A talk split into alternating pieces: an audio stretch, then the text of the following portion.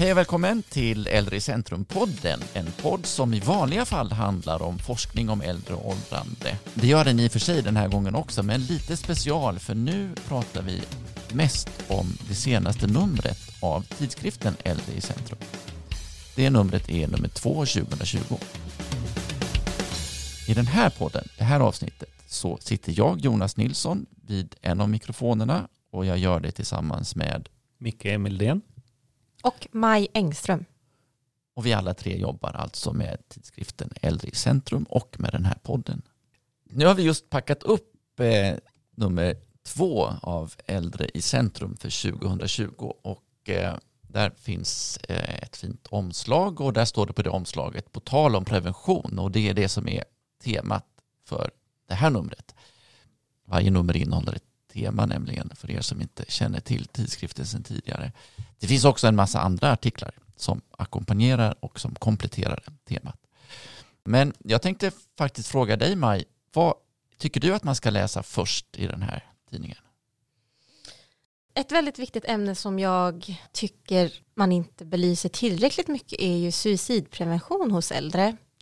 Det har ju varit väldigt mycket prat om hur man ska försöka förebygga det hos yngre människor. Men hos äldre är det ett ganska mycket större problem enligt den här artikeln som är skriven av Magda Wern, överläkare och professor i psykiatri.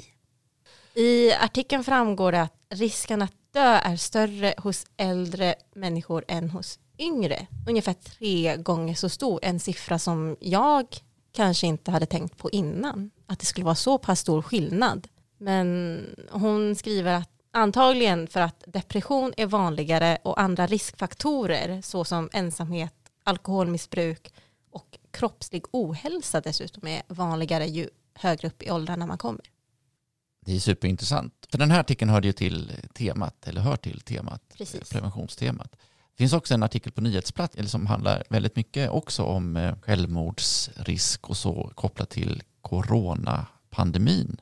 Och där är det just det här begreppet social distansering som får sig en liten släng av sleven. Och det här med social distansering, det är ju, eller begreppet social distansering, det är ju inte det vi egentligen håller på med, menar de här författarna, eller borde hålla på med, som kritiserar att vi använder det begreppet. De tycker att vi, det vi gör är fysisk distansering. Vi ska hålla oss ifrån varandra fysiskt, men vi ska inte ha någon social distans. Det är farligt ur ett hälso och självmordsperspektiv. Precis, de skriver att det är, det är många i den här riskgruppen som är väldigt sårbara för vilket språkbruk man använder. Och ifall man använder begreppet social distansering så kanske det gör kopplingar till ensamhet, depression och hopplöshet. Sluta med det, säger vi tillsammans med forskarna från Nationellt centrum för suicidforskning och prevention som förkortas NASP. Micke, vad läser du först i tidningen? Ja, det är inte helt lätt att välja som vanligt tycker jag när man öppnar de här tidningarna. Först tänkte jag lite på, Maj har ju skrivit en artikel om forskningen som har satt igång nu kring covid-19. Superspännande på många sätt att se vad som händer. Men till sist så väljer jag nog ändå, tycker att man ska hugga in på Rebecka Strandells artikel om hemtjänst i förändring. Hon är doktorand på institutionen för socialt arbete Stockholms universitet och har följt upp hur eh, eh, de som arbetar inom hemtjänsten, hur deras eh, arbetssituation ser ut. Och det är ju just nu när vi pratar pandemin och det har blivit mycket fokus kring hemtjänsten och personalen och, och vilka förutsättningar man har för sitt arbete så är det här en ganska dyster, dyster läsning. Eh, och det är ju otroligt intressant att det, att det finns studier på det här som faktiskt följer och, och kartlägger och kan konstatera hur förändringen ser ut. Det är inte något som man skjuter från höften bara och säger ja det har blivit så dåligt. Utan här finns det svart på vitt. Hugg in på den så fort ni kan.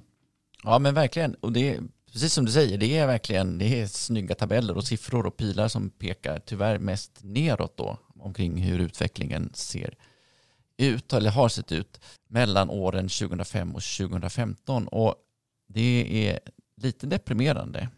Vad säger du då Jonas? Jo, det ska jag säga dig. Om jag hittar min fusklapp. Jag tycker man först och främst ska läsa, jag är ju en sucker för allitterationer i rubriker ska jag säga.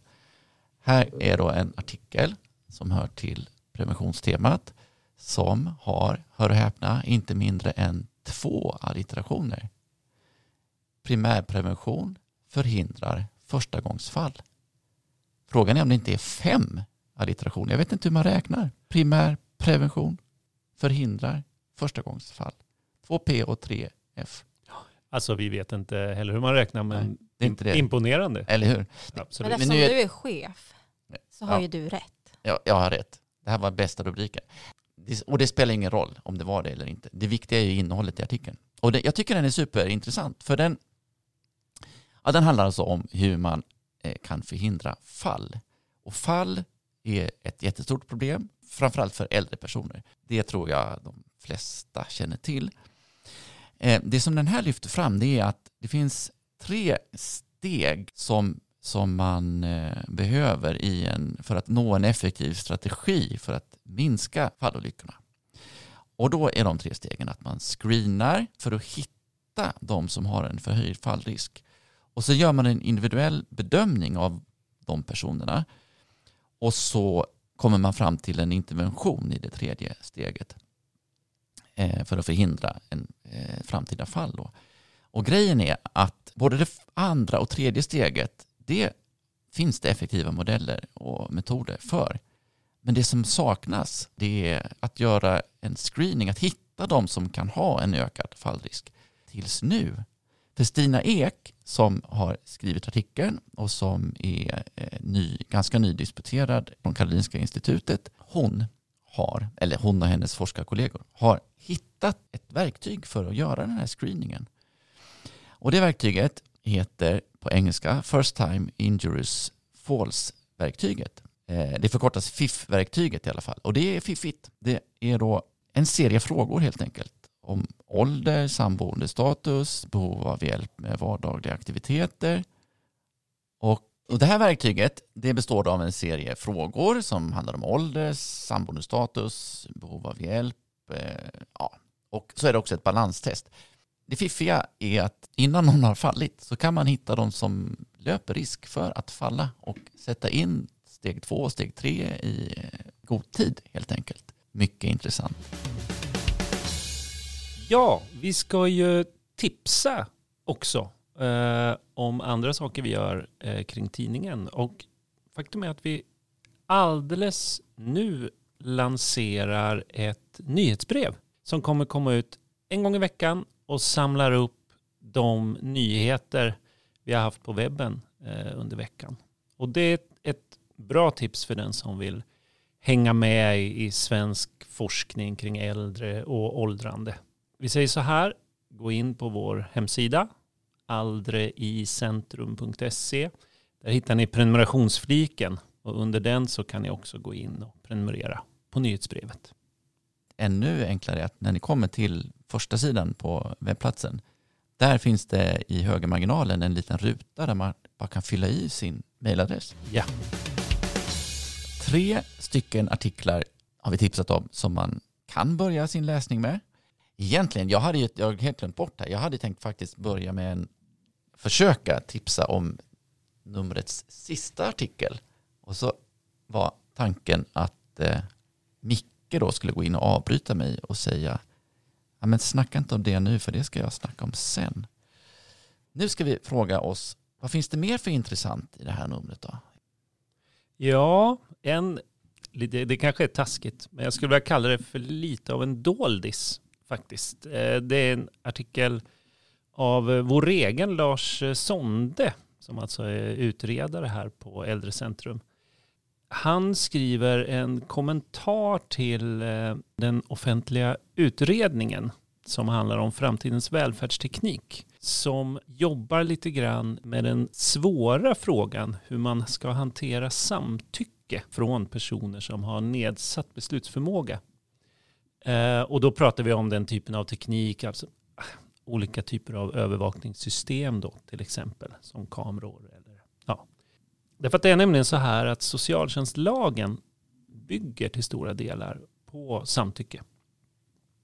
Och eh, i den här utredningen så verkar förslagen då gå i riktning att man ska göra tillägg till socialtjänstlagen och patientlagen. Eh, och, och, så långt är ju allting eh, normalintressant skulle jag säga. Men Lars Sonde han har jobbat med de här frågorna mycket. Och han tycker att vi ska snegla på Norge. Han har nämligen eh, gjort det själv och där har man lagt in den här typen av lagar i eh, hälso och sjukvårdslagen.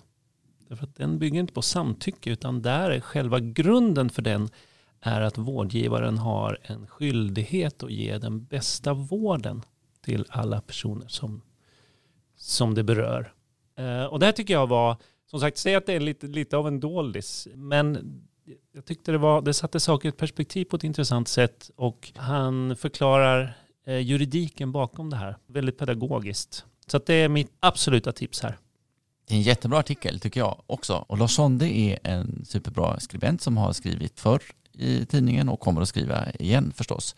Själv så skulle jag vilja lyfta fram, jag passar på här och välja en artikel innan någon annan hinner ta den. Jag tycker en annan person som har skrivit i tidningen tidigare och kommer att göra det igen, det är Per-Gunnar Edebalk som är pensionerad professor från Lund, Lunds universitet.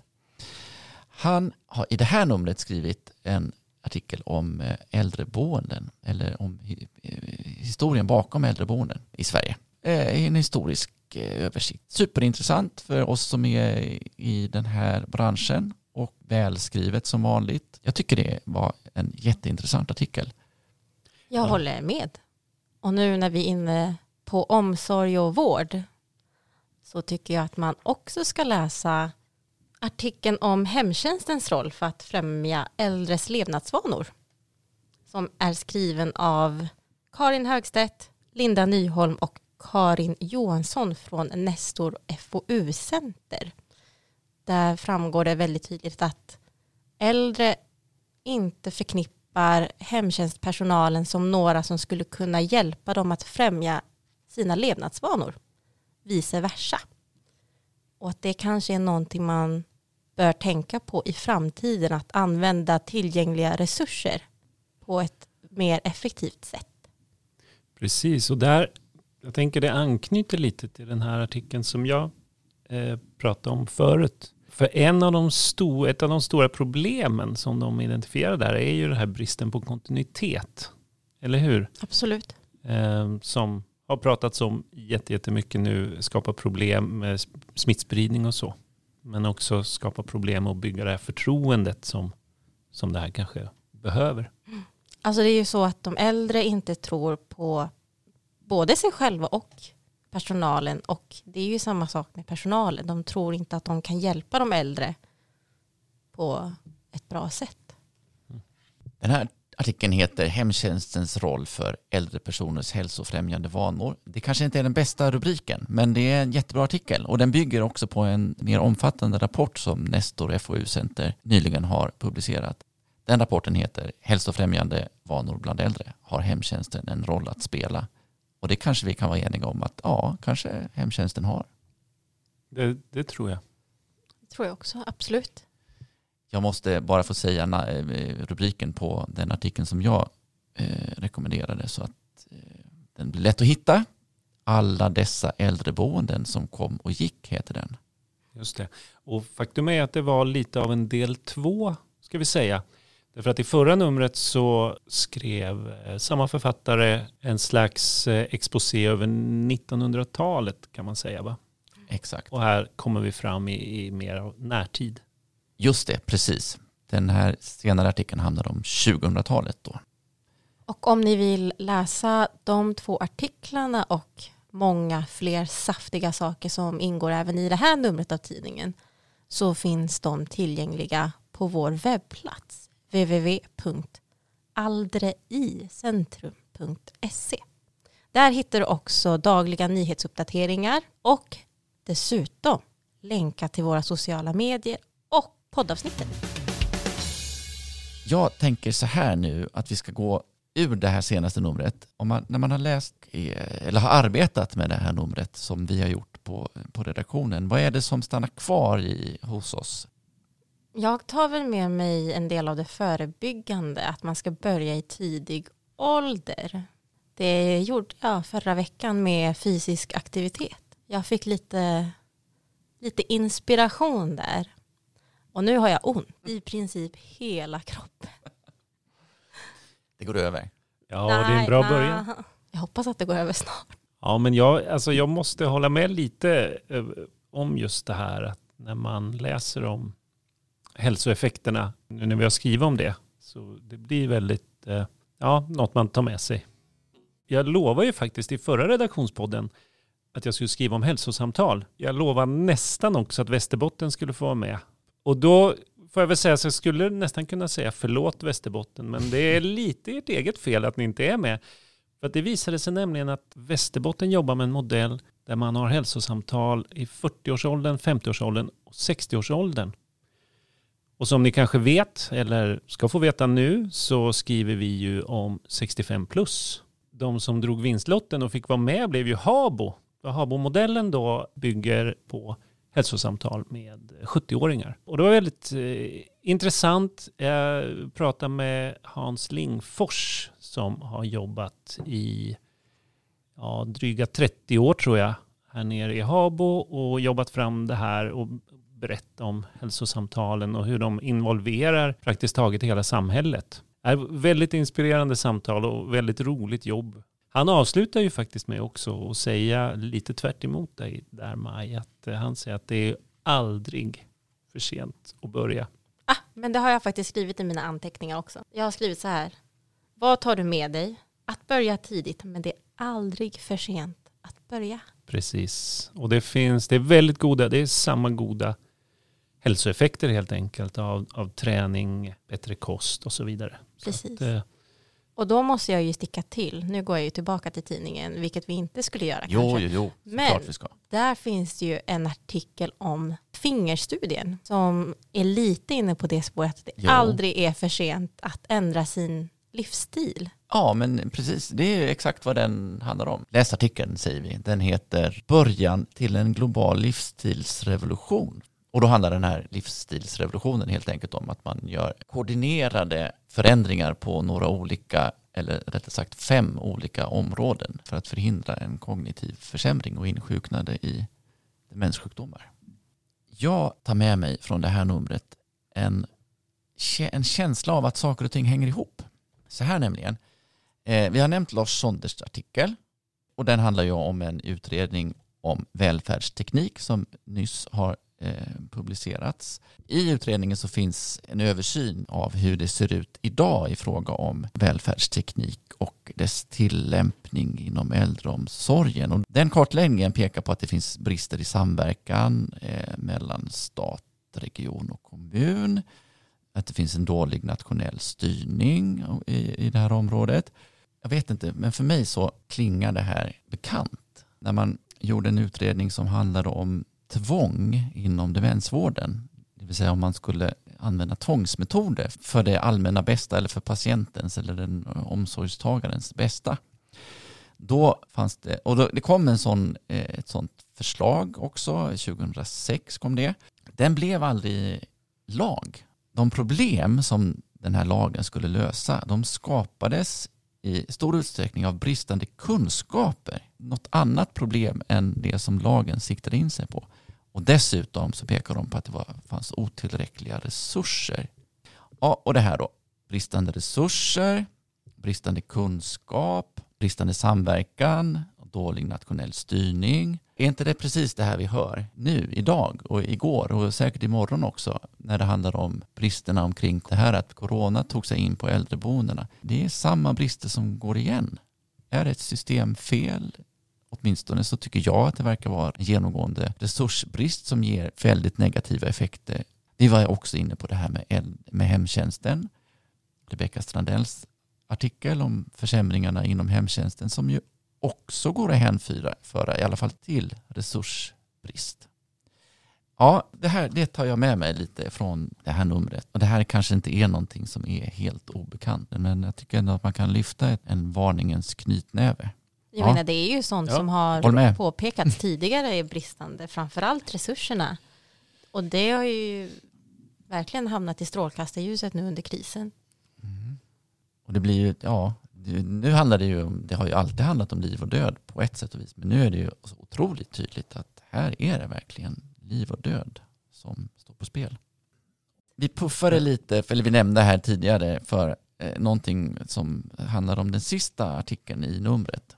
Den heter Skicklig skildring av själens rynkor. Skulle du säga något om den, Micke? Ja, inte om själva texten kanske. Det är en eh, slags recension eller anmälan eh, av en bok. Men det är ju så här att vi sitter ju här och läser mycket rapporter, vetenskapliga artiklar och pratar med forskare och så.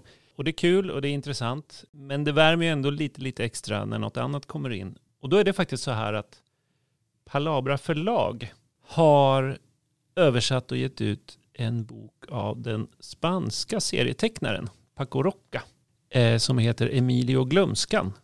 Som är en, en väldigt fin skildring av eh, demens och en, en man då, Emilio, som eh, har fått eh, demenssjukdom och hamnar på ett, ett äldreboende.